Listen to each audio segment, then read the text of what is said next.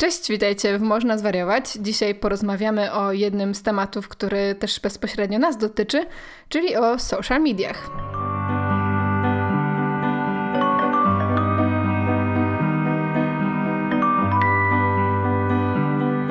Tak, dzisiaj poruszymy temat, który e, Was i nas zastanawia już od dłuższego czasu i mm, personalnie i tak teoretycznie, bo social media są stosunkowo nowym dodatkiem do naszej rzeczywistości, a już szczególnie te takie bardziej wizualne. Jaki mogą mieć na nas wpływ, jak my się z tym czujemy, e, o tym głównie dzisiaj porozmawiamy, ale zanim to, Ania, z czym dzisiaj zaczynasz? Ja właśnie zaczynam w tym momencie z takim uczuciem zmrożonych policzków. Jakoś nie ogarnęłam się, że jest mróz na dworze i weszłam na chwilę do paczkomatu i, i od razu moje policzki mówią, a mogłaś użyć tłustego kremu? Nie zrobiłaś tego, nie podoba nam się to. E, ale jest to miłe uczucie, szczególnie, że świeci słońce. Po raz pierwszy od nie wiem jak dawna słońce czułam na twarzy, więc miłe uczucie. Wczoraj świeciło słońce. Nie wyszłam wczoraj z domu. A to z czym zaczynasz? E, no więc chciałabym Wam w tej rundce powiedzieć, że wczoraj zaczęłam 30-dniowe wyzwanie 30-minutową jogą codziennie. Z Adrian? Tak, yoga with Adrian. Do tej pory ćwiczyłam strala jogę i nigdy nie, nie ćwiczyłam z inną online osobą, ale pomyślałam, hmm, bo mam często spięte biodra po wspinaniu i musiałam poćwiczyć y, na rozciąganie bioder. I właśnie włączyłam ćwiczenie z nią i całkiem mi się podobało, a żadne inne mi się online nie podobało, oprócz Strala Yoga. No więc y, rozpoczęłam to ćwiczenie i mówię to, żeby mieć się accountable, y, że za 30 dni powiem Wam, zrobiłam 30 dni jogi z Adrian. Mam nadzieję. Ja, ja, ja się nigdy nie oszukiwałam, bo robiłam to chyba 3 lata z rzędu i uwielbiam ten moment w komentarzach, gdzie ludzie piszą jest marzec albo jest maj i właśnie robię ostatni dzień, ale zrobiłam to. No więc myślę, że wiele osób tak to robi właśnie, że po prostu robi to co kilka dni, bo nie wiem, Jezu, po prostu ludzie, którzy to robią codziennie, to naprawdę jakieś... No, ale 30 minut dziennie to nie jest coś, na co nie mogę sobie pozwolić. A ja jestem raczej osobą konsekwentną, mocno konsekwentną. Dziękujemy też Welby za patronowanie temu odcinkowi, e, a więcej o tej platformie później. E, przechodząc do tematu naszego dzisiejszego odcinka, to jest w ogóle coś, o czym same między sobą często rozmawiamy, e, bo same mamy taki trochę no nie wiem, czy mogę powiedzieć love-hate relationship z social mediami. Na pewno ty, Ania, w jakimś stopniu. Ja mam raczej taki... O, ja na pewno, tak. Not my thing. Whatever. Ale ten temat się też pojawiał w rzeczach, które wy pisaliście i pisałyście do nas. Więc najwyższy czas go zaadresować czyli wpływ social mediów na nasze zdrowie psychiczne. Twoje pierwsze skojarzenie. Moje, moje pierwsze skojarzenie jest oczywiście takie, że e, zły wpływ. Zły wpływ, w ogóle wszystkie badania mówią, że, że nie tak, że źle. Y, ja przeczytałam książkę Wyloguj swój mózg dwa razy. Jeszcze mam taką inną książkę na ten temat. Niektóre badania mówią o tym, że to nie do końca jest tylko negatywny wpływ, ale jakby uśredniając to, to zawsze wychodzi na minus. Natomiast jak sobie żyjemy w tej naszej lewicowej bańce edukatorek e, na temat wszystkiego i tak dalej, no to można sobie pomyśleć, no zaraz, no ale przecież jak ja sobie wybieram takie konta, jakie ja chcę, że nie obserwuję jakichś tam um, influencerek na plaży i jakiś głupot, tylko właśnie same, nie wiem, media światowe, nie? I jakieś właśnie e, edukacyjne konta i inkluzywne kontenty i tak dalej, no to można powiedzieć, halo, no przecież wszystko jest okej, okay, no jakby to mnie kształci, nie, i rozwija. No ale sama się o tym przekonałam na własnej skórze. Oczywiście nie mówię, że każdy tak musi mieć, ale no mi to zaczęło bardzo przeszkadzać i wpływać na moje zdrowie psychiczne negatywnie. No, na pewno jakby duża część tego opiera się na tym, że też jestem osobą tworzącą tam, a nie tylko obserwatorką, e, ale mimo wszystko czuję, że odkąd no już myślę, że taki tipping point to było chyba pomiędzy rok a półtorej roku, kiedy tak intensywnie instagramowałam. E, mówię tutaj o psychoedu, bo jakby Instagram do wrzucania zdjęć dla znajomych mam od 10 lat i nigdy z tego powodu jakoś moje zdrowie psychiczne bardzo nie podupadło, e, ale, ale już po tej, będąc właśnie w tej bańce edukatorek, Tak. Czyli mówisz o tym, że ten negatywny wpływ głównie ma Instagram tutaj konkretnie na ciebie jako na twórczynię internetową, raczej niż na ciebie jako konsumentkę treści?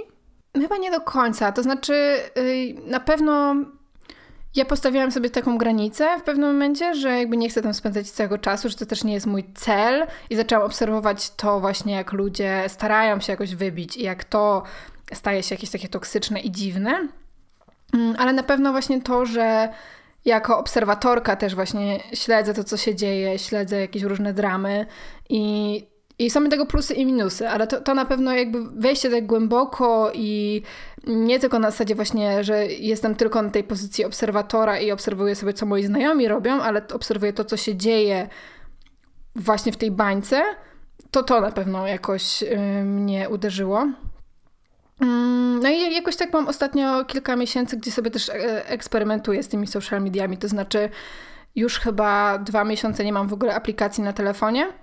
E, mam ją na tablecie, który no, dotychczas służył mi do nauki, głównie do czytania jakichś e, artykułów, czy do, mm, czy do szkoły psychoterapii. Mam różne jakieś tam materiały, więc ten iPad sobie tak, tak po prostu był i ja go nie używam za często. No i faktycznie teraz staram się też bardziej świadomie korzystać z tego Instagrama, bo jakby, no mówię o tym Instagramie stricte. Mm, czyli jakby jeśli chcę coś tam zapostować czy sprawdzić, to, to chcę, żeby to była świadoma decyzja i jakby wtedy nie sięgam po to, co mam w kieszeni czy najbliżej, tylko jakby robię ten, wiesz, ten effort, nie? że jakby sięgam po ten tablet, który nie jest gdzieś tam na wierzchu zazwyczaj. Więc w międzyczasie, jak po niego sięgasz, to też masz czas zastanowić się, po co właściwie sięgam po ten Instagram, nie? Tak, no i oczywiście bywa tak, że przepadnę na 15 minut scrollując jakieś memy czy inne głupoty, no ale wtedy jakby mam jakieś tam powiadomienie o tym, że już tam kończy mi się ten czas e, przed ekranem e, i, i to bardziej działa na takiej zasadzie, że, że to nie jest jakby zapychacz mojego czasu że nie mogę na to wejść siedząc w tramwaju, czy nie wiem, idąc do gabinetu, bo byłam w takim momencie, gdzie szłam na pieszo do gabinetu i przez 10 minut potrafiłam gapić się w ekran i na przykład uderzać się codziennie o tą samą wystającą gałąź z drzewa. Bo po prostu trzeba było zrobić taki unik, a jak szłam prostą drogą, to po prostu haczyłam głową o jakąś gałąź. No i stwierdziłam, że nie, no to już jest głupie, to po prostu nie mogę spędzać kilku godzin dziennie do, nie wiem, końca życia na tym Instagramie, więc yy, i też zaczęłam jakby obserwować to, nie wiem, kiedyś po prostu trafiłam na YouTubie na jakiś film dziewczyny, która właśnie też mówiła, że, że zrezygnowała w ogóle z social mediów na kilka miesięcy. I, i zaczęłam czytać historię, gdzie właśnie, nie wiem, osoby w pandemii siedziały 8 godzin dziennie na TikToku tylko, no i zaczęły po prostu mieć refleksję, że nie w ten sposób chcą spędzać swój wolny czas i to też była gdzieś moja refleksja, że, że jasne, to jakby daje wiele jakichś tam korzyści i, i ma swoje dobre strony, ale nie chcę, żeby to był jakby docelowo czas, który ja spędzam wiesz, wracając po pracy do domu, czy nie wiem, wyłączając komputer na wieczór i, i sięgam po telefon. No może zanim przejdziemy jeszcze do takiej mm, może bardziej merytorycznej części, bo obie mamy E, mamy jakiś tam research zrobiony, to, to powiedz może pokrótce, jaki ty masz stosunek, bo on od zawsze był chyba zupełnie inny i, i bardziej taki właśnie, nie wiem, lakoniczny, jakbyś to określiła. Może to wynika z tego, że ja po prostu nie jestem osobą aż tak wizualną, chociaż wszyscy poniekąd jesteśmy w dzisiejszych czasach, e, ale nigdy jakoś nie. Nigdy jakoś ten Instagram mnie aż tak nie interesował, aż tak mnie też nie ekscytował. Bardziej go miałam, to znaczy tak, założyłam go, bo to była jakaś nowa rzecz, jakaś ciekawa apka, żeby zobaczyć, co to jest i tak dalej. I potem używałam go tak, no ja tam raz na jakiś czas, o tyle, o ile, jak miałam jakieś fajne zdjęcie, ale też ja w ogóle nie jestem e, tym typem osoby, który gdzieś idzie, gdzieś jedzie i robi cały czas zdjęcia rzeczom albo prosi innych, żeby robili mi gdzieś zdjęcia, więc ja nawet tych zdjęć za bardzo nie mam takich swoich w codzienności. Bardziej jak na przykład bym przejrzała teraz swoją rolkę w aparacie, to mam albo jakieś screeny, jakieś rzeczy, ciekawostek, albo na przykład zdjęcie y, wielkiego liścia i mojej dłoni obok jako porównania, albo wiesz, nie wiem, czegoś z książki. Mm, no, jakiś taki właśnie, nie, nie mam za dużo zdjęć siebie. Oczywiście pracując jako modelka muszę mieć y, raz na jakiś czas yy, dzwoni do mnie agent z tego czy innego miejsca i prosi o to, żebym wysłała tak zwane selfie polaroids, yy, czyli po prostu zdjęcia siebie z, z każdego profilu i yy, z frontu. Tak, byłam świadkiem kilka razy, jak Cleo w trakcie naszego spotkania musiała zrobić sobie szybkie selfie. A tak, nawet niedawno było tak, że wychodziłyśmy e, z jakiegoś miejsca i ja musiałam strzelić szybko do pracy jakąś fotkę. No ale tak to wygląda. Teraz ostatnio wykombinowałam, że przecież mogę takie zdjęcia wrzucać na Instagram i one sobie tam będą leżeć. E, I jak ktoś, jakiś klient czy mój agent potrzebuje, to może sobie od razu tam wejść i je zobaczyć. I nawet niedawno miałam taką sytuację, że no właśnie, to też jest miejsce do komunikacji, nie? Ten mm. Instagram. No ja tak. głównie go trzymam ze względu na te wiadomości. E, bo dostaję ich tam sporo też nawet takich pod kątem pracy, nie? Że fotograf albo fotografka się ze mną skontaktuje w DM-ach, o, które w, e, wpadają do tej czeluści tam inne i te inne jeszcze inne i tam w ogóle nigdy nie zaglądam, a potem nagle się okazuje, że dostałam tam dużo różnych propozycji, e, które są jakby totalnie legit, nie? Normalne propozycje, fajne, no tylko e, najpierw ktoś pisze do mnie zamiast napisać do agenta mm, czy do agentki.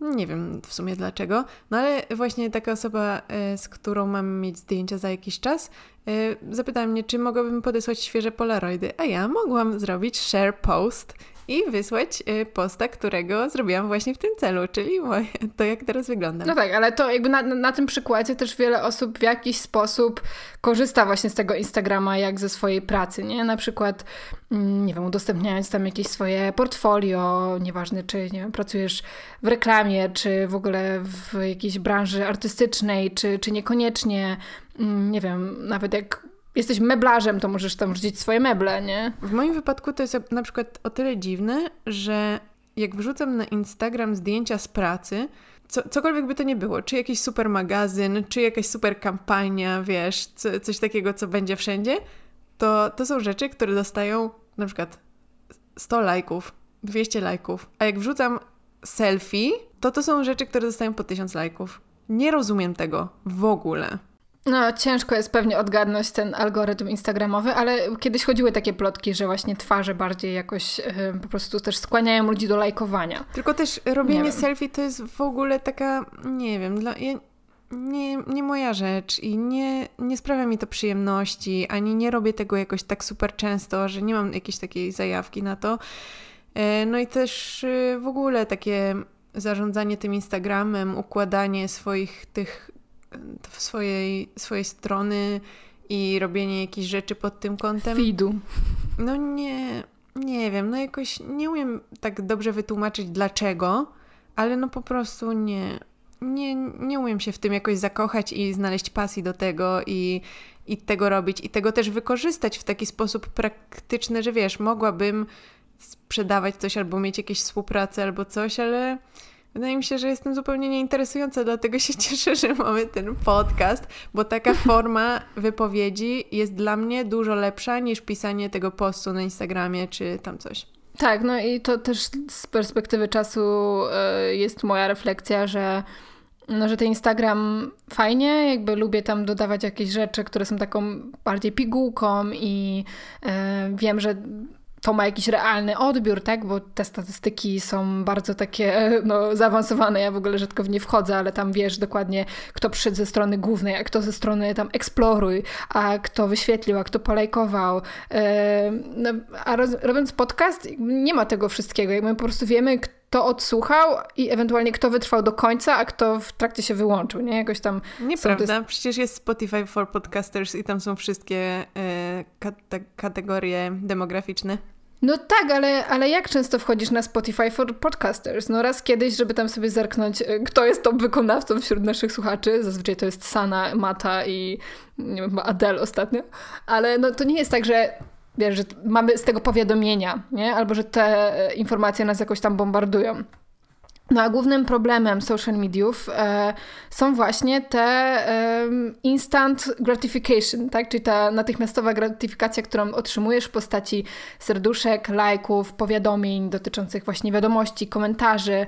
E, I to jest coś, co jakby autorzy w ogóle tych funkcji, na przykład autor funkcji lubię to w Facebooku, żałują. Nie? W sensie oni teraz z perspektywy czasu e, mówią o tym, że no co, co myśmy narobili, nie? że to faktycznie... Tak, o tym możecie posłuchać w dokumencie na Netflixie, który nazywa się Social Dilemma. Tak, i w książce, w książce Wyloguj swój mózg, który jest napisany przez Andersa Hansena, psychiatrę szwedzkiego, e, też padają te cytaty e, i on bardzo fajnie tłumaczy cały ten mechanizm stojący właśnie za, za tymi lajkami i opiera się to oczywiście wszystko na zastrzykach dopaminy.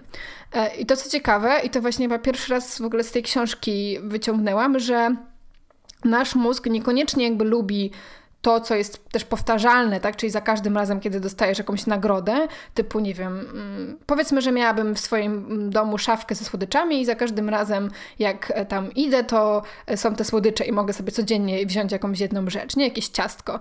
E, to większy poziom dopaminy wytworzyłby się u mnie, gdybym na przykład to była taka loteria, nie? Że na przykład ktoś tam mi chowa te rzeczy i ja bym nie wiedziała, czy na przykład dzisiaj znajdę tam ciastko, a może znajdę tam, nie wiem, babeczkę, a może nic tam nie będzie i co wtedy? E, no i wtedy jak znajduję nagle te słodycze, to jest taki jeszcze większy wyrzut dopaminy chyba jest w ogóle w tym momencie, gdzie jeszcze nie wiesz, nie? Czyli na przykład, nie wiem, mam rękę na, na tej szafce i zaraz ją otworzę i w tym momencie już po prostu te emocje są właśnie takie, znaczy emocje, to nawet jest wszystko na, nie, na nieświadomym e, poziomie, nie? Że, że jakby to oczekiwanie jest takie bardzo duże, i, I właśnie on porównuje to do momentu, gdy na przykład jest jakiś ping w twoim telefonie, że coś tam ci zawibrowało i ty jeszcze nie wiesz, czy to jest komentarz od, nie wiem, twojego krasza, czy to jest właśnie polubienie, a może to jest jakaś wiadomość, może to jest propozycja pracy, nie? Czy co tam się może znajdować? No i, no i mózg szaleje w tym momencie i faktycznie, szczególnie jeśli ma się włączone te wszystkie powiadomienia, to mm, no to też ciężko pewnie skup, tak wiesz, na, na chłopski rozum, no ciężko się skupić na pracy, jak siedzisz przy komputerze, obok masz telefon, który ci cały czas tam wibruje i daje jakieś nie? No i to, co też jest y, problematyczne, to to, to że właśnie w naszym życiu tak standardowo no, nie ma aż tak dużo tej ekscytacji, tej, tej dopaminy. I, I wniosek jest taki, że no, trochę jednak te social media nas przez to rozregulowują. Ten nasz jakiś naturalny rytm dopaminowy i, i inne neuroprzekaźniki. E, przez to myślę, że dużo osób odczuwa takie, znaczy odczuwa takie efekty trochę zbliżone do ADHD, czyli e, trudności w koncentracji, skupieniem uwagi na jakiejś jednej rzeczy, jakieś cały czas rozproszenie, czy właśnie e, sam fakt, że ten telefon leży, że on jest obok i ty go widzisz gdzieś kątem oka, to to już cię rozprasza. No bo to tak jakbyś była głodna i ktoś by ci położył e, twoje ulubione jedzenie obok i powiedział, że nie, teraz musisz pracować i teraz nie możesz tego zjeść, nie? No, a, no absurd, no wiadomo, żebyś chciała chociażby popatrzeć na to jedzenie to może wynikać też po części właśnie z naszego typu osobowości, tak? Na ile jesteśmy wiem, sumienni, ugodowi i będziemy chcieli poczekać i odroczyć sobie tę gratyfikację, e, ale też ta dopamina mm, no, sprawia, że mm, to jest jakby ten hormon motywacji bardziej, a nie też przyjemności, tak per se. E, więc to będzie sprawiało, że, e, że po prostu będziemy chcieli dążyć w tym kierunku. Nie? Że jeśli my mamy że jeśli mamy te powiadomienia i tam są jakieś przyjemne rzeczy, no to będziemy chcieli potem jakoś tego więcej. I to też kiedyś ciekawą rzecz gdzieś udostępnił e, dr Andrew Huberman, e, znany i lubiany mm, podcaster, a tak przy okazji pracownik Stanforda, e, Uniwersytetu Stanforda, e, że właśnie... Mm, bardzo ważne jest, żeby na przykład nie zaczynać dnia od social mediów, od tego, co daje ci łatwy wyrzut dopaminy i szybki, e, bo wtedy już każda rzecz tego dnia będzie nudniejsza i nie będzie tak e, atrakcyjna dla twojego mózgu, nie? Że na przykład to pierwsze pół godziny czy godzinę w ciągu dnia warto poświęcić na takie rzeczy, które mm, no jakoś powoli e, oswoją w ogóle nas tak z tą rzeczywistością po tych ośmiu godzinach cudownego snu. E, hopefully. E, no i też tak mi się wydaje, że, że podobnie jest z kończeniem dnia, nie? że jeśli kończysz e, w, w łóżku z telefonem, jeszcze skrolując jakieś rzeczy, no to bardzo łatwo też narażamy się na to, że coś cię wkurzy, że coś cię jakoś, nie wiem, zasmuci, zdenerwuje, że coś będziesz chciał, nie wiem, dalej klikać, zgłębiać i, i też łatwo wtedy mm, nabawić się jakiś no może niekoniecznie zaburzeń snu, ale, ale no, rozregulować sobie ten zegar biologiczny. Ale też. Tak, i tutaj właśnie też cały rozdział w książce Hansena jest poświęcony e, dzieciom i młodzieży, którzy, um, którzy śpią coraz gorzej właśnie przez to, że, że dużą część dnia, szczególnie tą drugą część dnia poświęcają na, na telefon i różne aktywności online'owe. E, a jak wiemy, no, nastolatki potrzebują dużo snu i jeśli nie ma zaspokojonej tej potrzeby bardzo fizjologicznej i ważnej, no to może nawet prowadzić do rozwoju depresji. A teraz chwila dla partnera naszego odcinka. Wellbe.pl to platforma psychoterapeutyczna, której ideą jest zapewnienie Ci wsparcia wtedy, kiedy tego potrzebujesz i gdziekolwiek jesteś. Wellbe łączy osoby zmagające się z trudnościami z obszaru zdrowia psychicznego albo takie szukające rozwoju osobistego z wykwalifikowanymi specjalistami zdrowia psychicznego z obszaru psychoterapii, ale też psychodietetyki, seksuologii i innych. W Wellbe możesz umówić się na wizytę online lub stacjonarną w gabinecie. Możesz też liczyć na bezpłatne, organizacyjne i psychoedukacyjne wsparcie opiekunów terapii, którzy doradzą Ci, jakiego specjalistę wybrać oraz odpowiedzą na pytania dotyczące nurtów terapeutycznych czy przygotowania się do wizyty. Zachęcamy Was oczywiście do obserwowania Wellbe na Instagramie, gdzie znajdziecie też dużo psychoedukacyjnych treści. E, ale też informacje o nadchodzących webinarach i innych ciekawych wydarzeniach. A po więcej szczegółów na temat platformy i jej usług udajcie się na stronę wellbe.pl. Było takie badanie, które już widziałam jakiś czas temu, które dotyczyło tego, które media społecznościowe mają najgorszy wpływ na zdrowie psychiczne ludzi. No i tam oczywiście na samej górze był Instagram, zaraz niżej Snapchat czy tam TikTok, później Facebook, a na dole Twitter. I wychodzi na to, że te, y, że te media społecznościowe, które opierają się na takich wizualnych rzeczach, nie? Na zdjęciach czy na jakichś takich formach wideo, wpływają na mhm. nas gorzej. Tak, no to, to są też takie znane efekty, mm, szczególnie właśnie mm, dzieci czy nastolatki są na to wrażliwe, e, no bo wtedy kształtuje się też twój jakiś um, obraz siebie czy, czy samoocena. E, no i szczególnie wrażliwe nastolatki są na też obraz ciała, jaki tam jest kreowany. No i to myślę, że mm, jeśli się trafi na odpowiednie konta, no to też jakoś się już zaczyna zmieniać, bo nie są faworyzowane już tylko szczupłe właśnie jakieś influencerki i modelki, ale no każdy może wrzucić swoje zdjęcie i są też osoby, nie wiem, plus size, które tam działają. No ale jakby jest taki przekaz obiegowy, że no, że widzisz jakieś tam idealne ciało, które nie wygląda tak jak twoje, więc automatycznie myślisz o sobie gorzej. A te idealne ciała są często wypozowane, czy właśnie są często zrobione w odpowiedniej pozie, czy pod odpowiednim oświetleniem i nie wiem, przebrane spośród 50 innych i jeszcze sfotoshopowane, nie?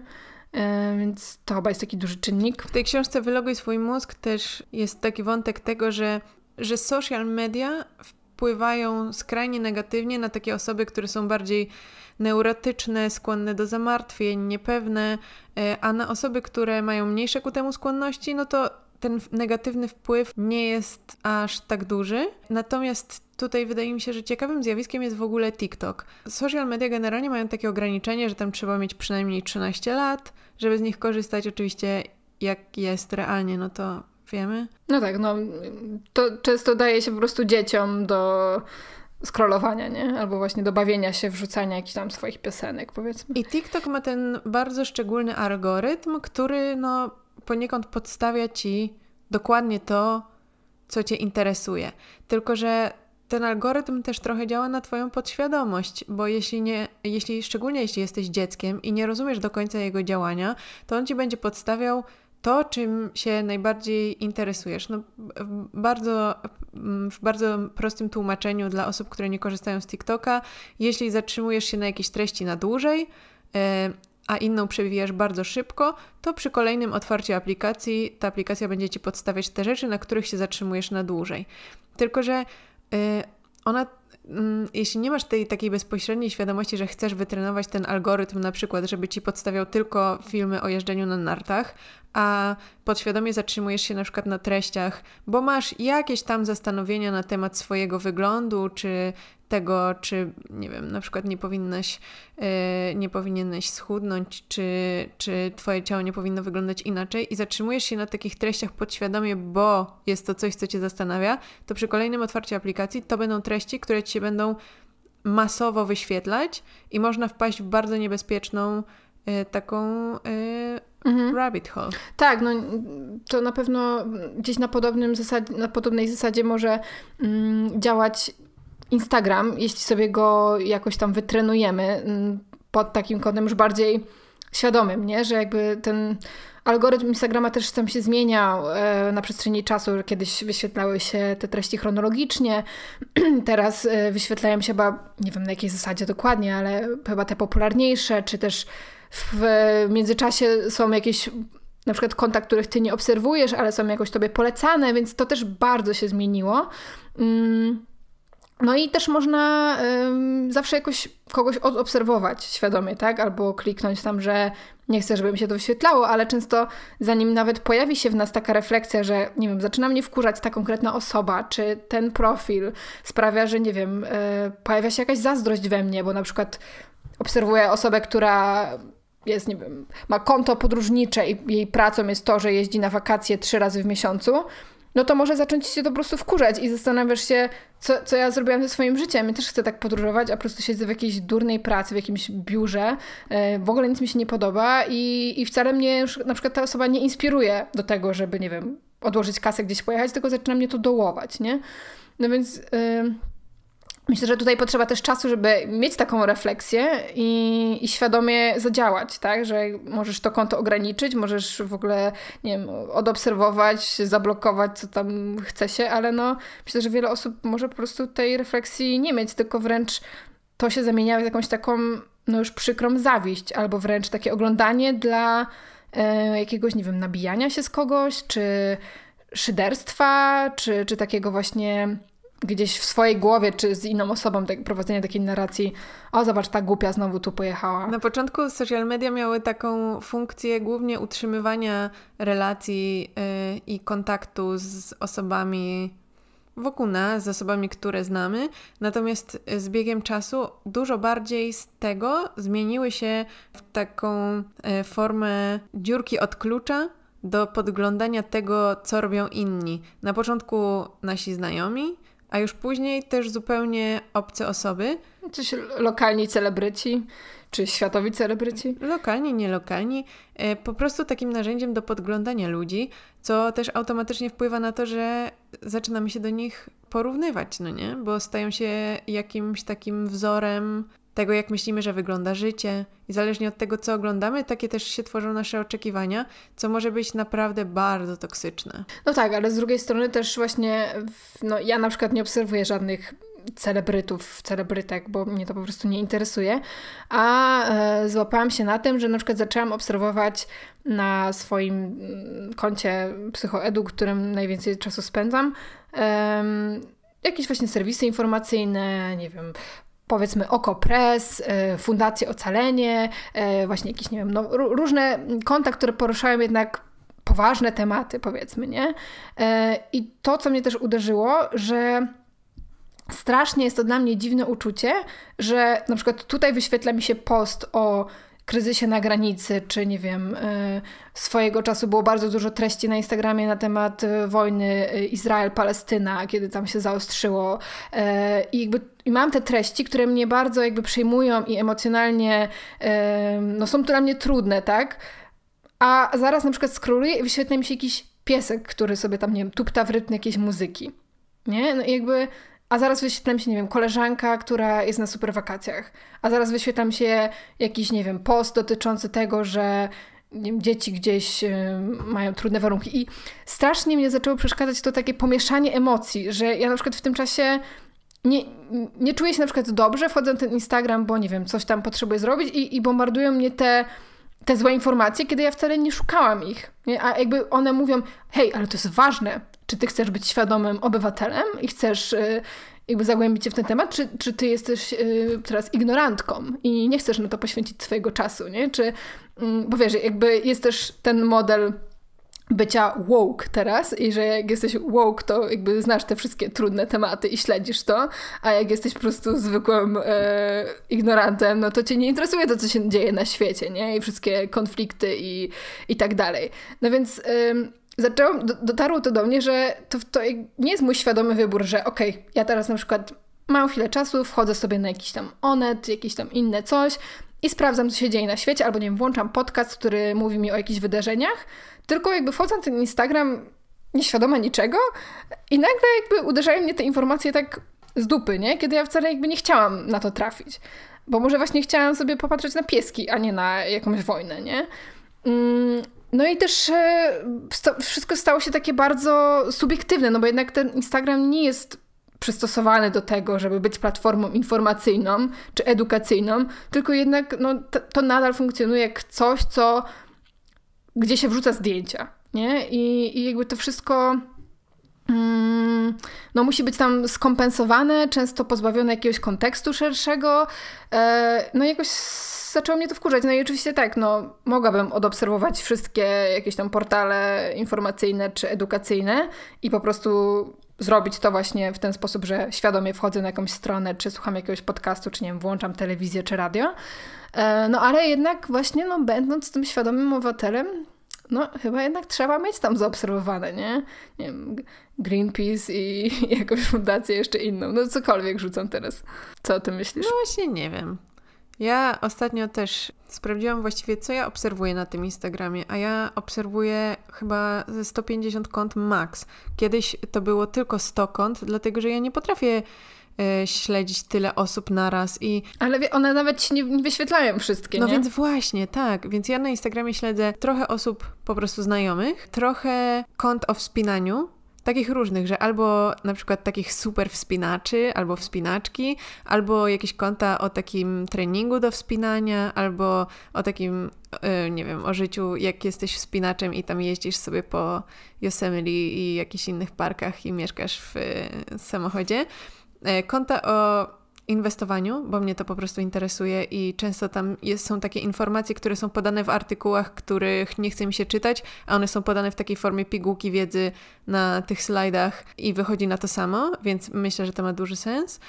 I takie konta, które pokazują na przykład jakieś piękne miejsca na Ziemi, albo jakieś, wiesz, zdjęcia jakichś... Wieloryby. Y, a no tak, też śledzę konta o wielorybach i o pingwinach, bo lubię sobie popatrzeć na to, ale mam oczywiście tam zaobserwowany okopres, chociaż nawet nie wiem, czy wczoraj tego nie odobserwowałam, bo uznałam, że to nie jest chyba moja forma do konsumowania treści i też, jeśli chcę się czegoś dowiedzieć na temat bieżących spraw, mogę wejść na konkretną stronę, przeczytać, co się mhm. dzieje i nie potrzebuję właśnie tego w takiej formie.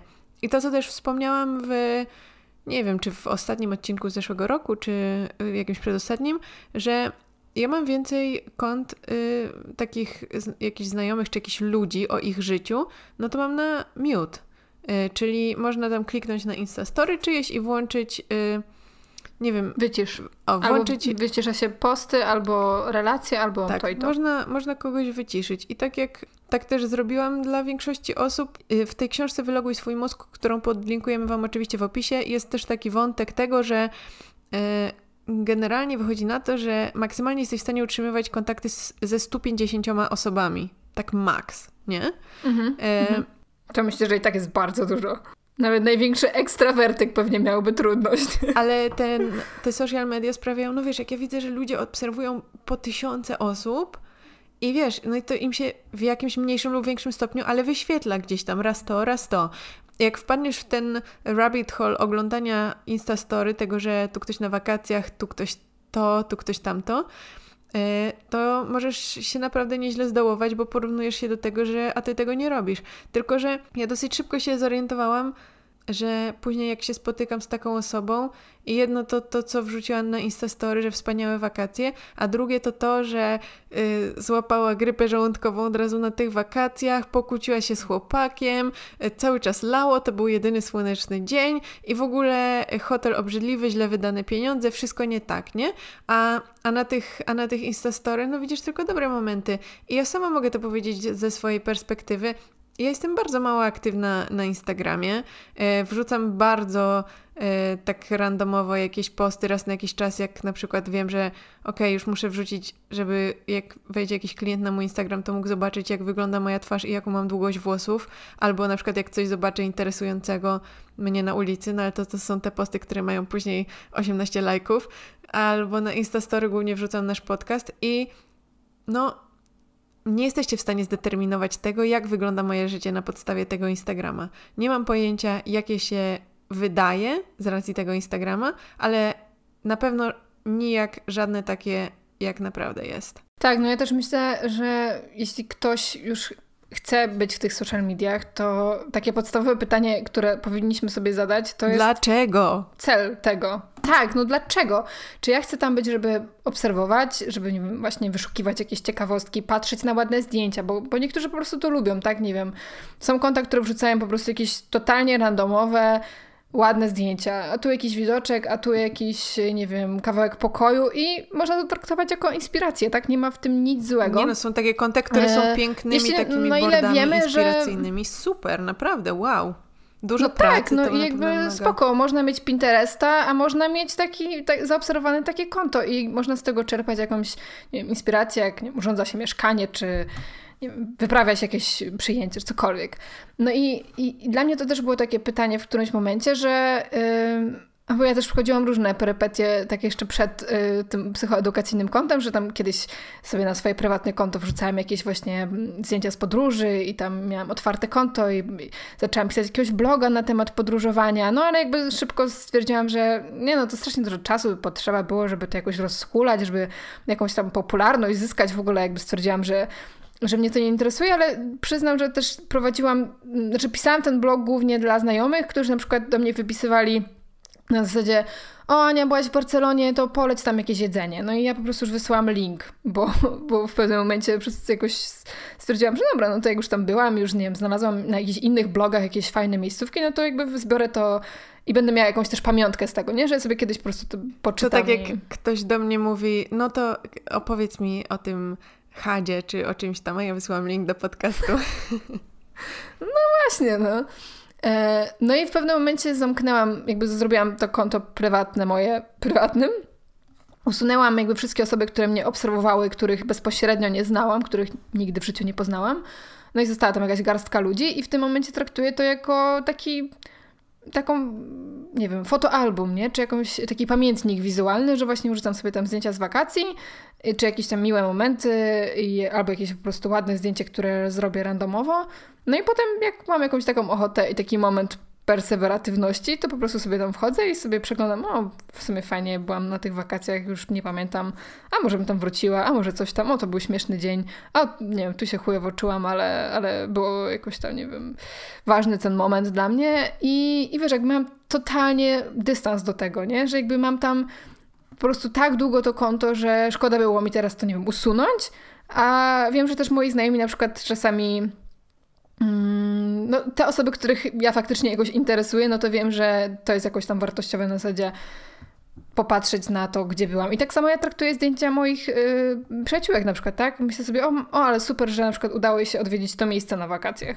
O, fajnie, że byłaś w takim fajnym miejscu i możemy potem o tym pogadać, tak? Ale to nie jest na zasadzie, o, po prostu teraz wszyscy podziwiajcie, jaki mój kunszt fotografii i po prostu mój zmysł podróżniczy, czy, czy cokolwiek. No, więc jakby to trzeba chyba robić świadomie, tak jak wszystko powinniśmy robić, no ale niewiele się udaje. Też ciekawy jest ten wątek porównywania się, a z drugiej strony chęci właśnie mówienia o sobie, nie? Y, generalnie ludzie bardzo lubią mówić o sobie i to jest taki trik for my fellow autistic y, friends here, że jeśli chcecie zyskać sobie czyjąś taką przyjazne nastawienie, to wystarczy tę osobę pytać o nią, bo no. ludzie lubią swój głos, lubią mówić o sobie i chętniej niż o tobie posłuchają po prostu sami mhm. o sobie. No to ciekawe. Serio, serio tak jest i tym jest właśnie Instagram, czyli pokazywaniem siebie cały czas. Ale jednocześnie y, może być bardzo niebezpiecznym narzędziem do porównywania się z innymi, właśnie patrzenia na takie wyidealizowane życia. Zresztą w Norwegii y, w pewnym momencie y, weszło chyba takie prawo, że osoby, które retuszują swoje zdjęcia, muszą to oznaczać. Retuszują swoje zdjęcia wrzucane na Instagram. Tak, co też Instagram w pewnym momencie zaczął oznaczać, jeśli używasz filtrów. Tak, tak. E, że jakby teraz już to jest widoczne, jaki to jest konkretny filtr i możesz go wypróbować na sobie, tak? Co on ci zmienia. W sensie te filtry na twarz w większości. No tak, ale możesz też zrobić, zamiast zapisywać to zdjęcie, albo możesz je zapisać, zrobić jego screenshot i nie będzie tego widać. No ale to tak samo retuszowanie czy filtry to jest takie bardzo duże zakrzywianie rzeczywistości, a ciężko nam często, szczególnie jeśli spędzamy jak, jakąś frakcję sekundy na tym, żeby zobaczyć jakieś konkretne zdjęcie, e, ciężko nam od razu ocenić, że ok, to jest Photoshop, to jest jakoś edytowane. Mm, mhm. I ten wpływ na poczucie własnej wartości, pewności siebie, e, obniżoną samoocenę, no wydaje mi się, że jest spory, nie? Tak, no z pewnością, ale też no, wydaje mi się, że to, co właśnie może, może być jeszcze I to tak bardziej mówię ze swojego doświadczenia niż właśnie na przykład z, z jakichś źródeł.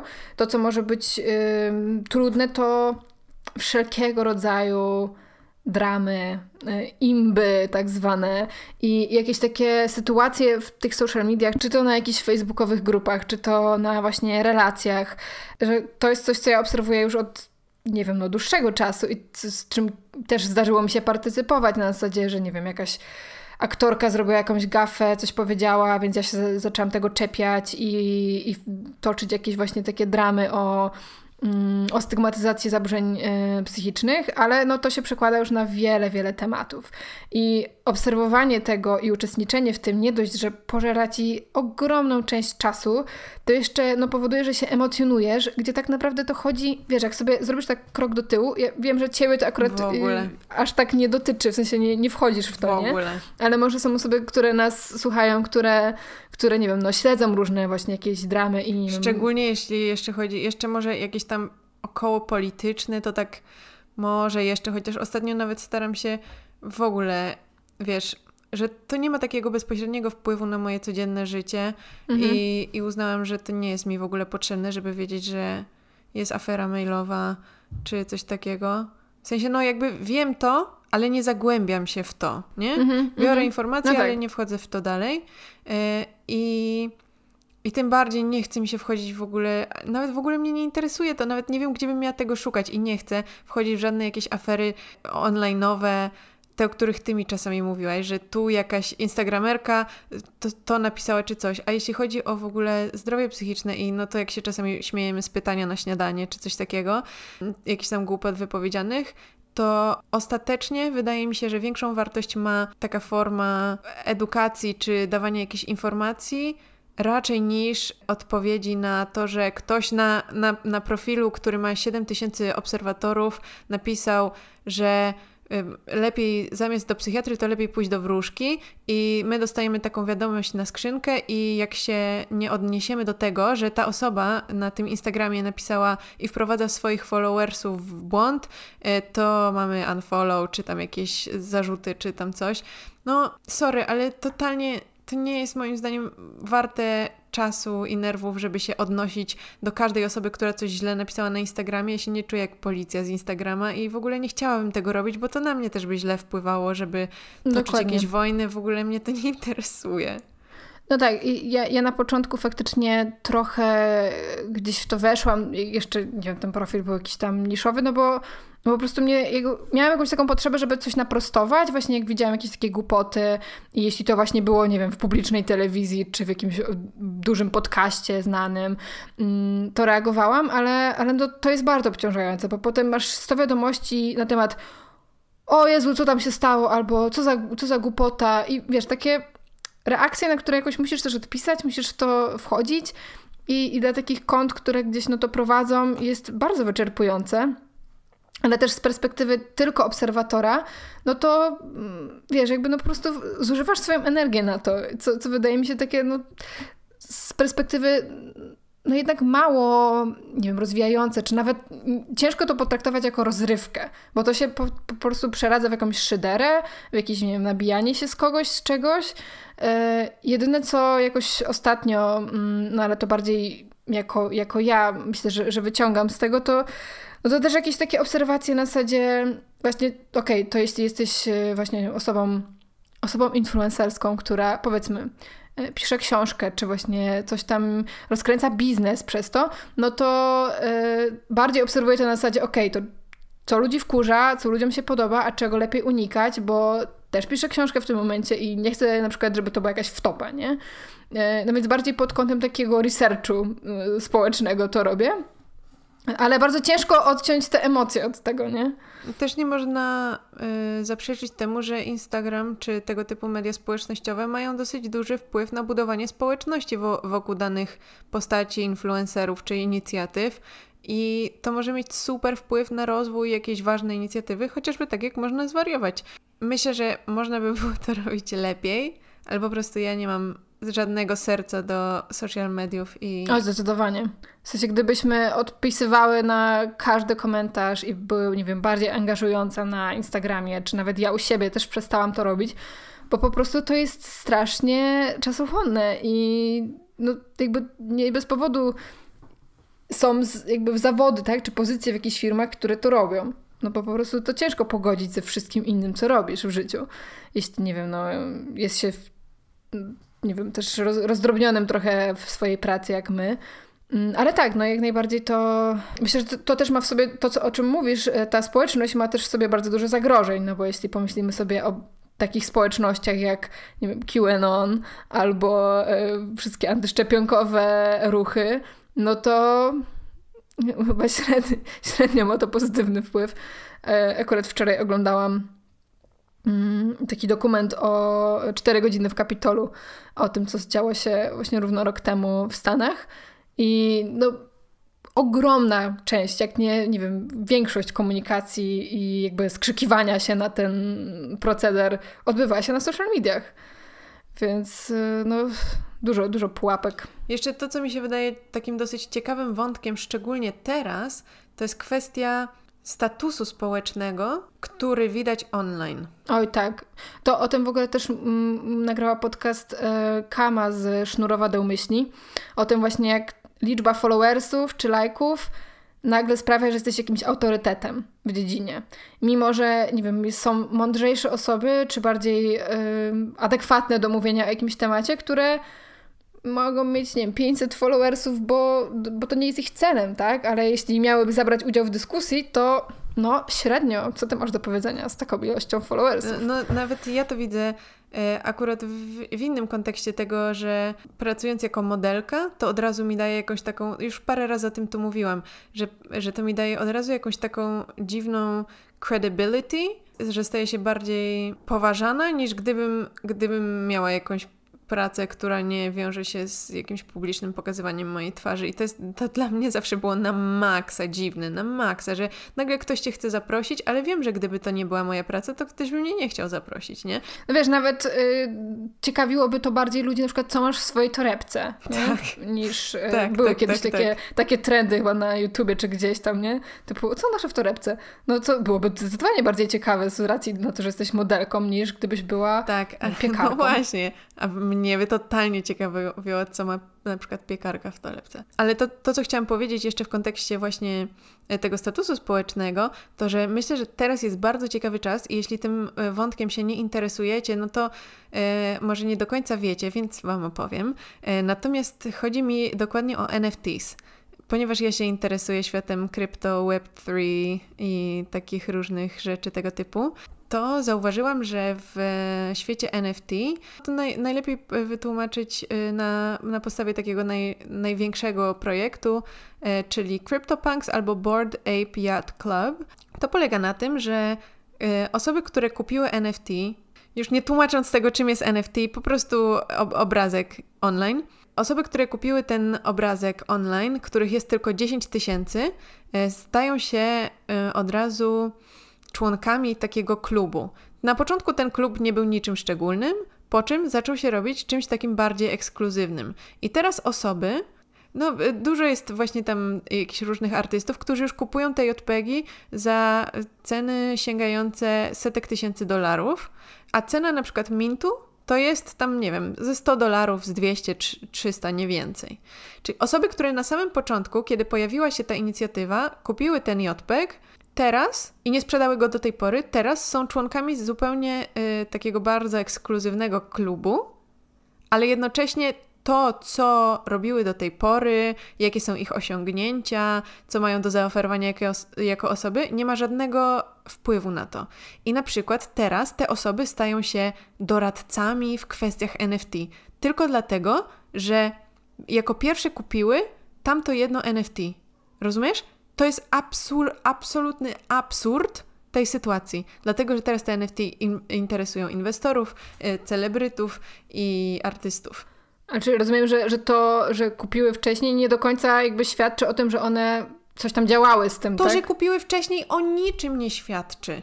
Tak jakbym ja pierwsza kupiła na przykład w Biedronce jakiś nowy produkt i potem fast forward dwa lata później jestem I tych ekspertką. produktów byłoby tak, i tych produktu. produktów byłoby tylko 10 tysięcy i wszystkie osoby, które również kupiły ten produkt i go nie sprzedały, a cena tego produktu na rynku e, wtórnym wzrosła, dlatego że stał się on ekskluzywny mhm. i właścicielem jest też nie wiem kto, no, Beyoncé, Lech Wałęsa, Beyoncé i ktoś tam jeszcze, to przez to, że ty go nie sprzedałaś na przestrzeni tego czasu, a ta cena rośnie, to teraz ten produkt, który kupiłaś za 10 zł, jest warty 5 milionów złotych i ty ustawiasz sobie ten produkt jako zdjęcie profilowe na swoich social mediach i piszesz, że jesteś właścicielką tej szczoteczki do zębów, którą kupiłaś wtedy, numer 2213.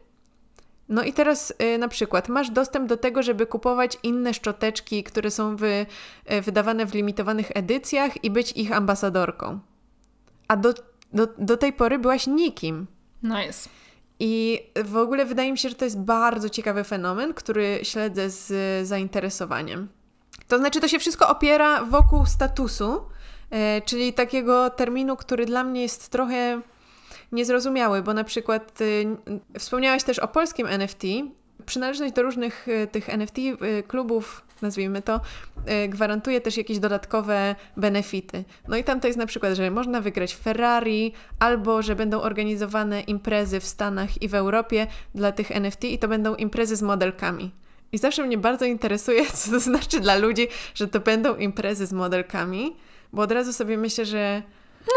Że po prostu będą chodziły modelki Victoria's Secret półnagie wiesz, dookoła. Wiesz, od razu wiesz. po prostu mam takie podejście do tego, że, że to jest właśnie, to jest ten wątek statusu, który mnie tak, którego zupełnie nie rozumiem, który mnie odrzuca, który wiesz, nie, że nie, nie wyobrażam sobie kupić czegoś po to, żeby pójść na imprezę z modelkami.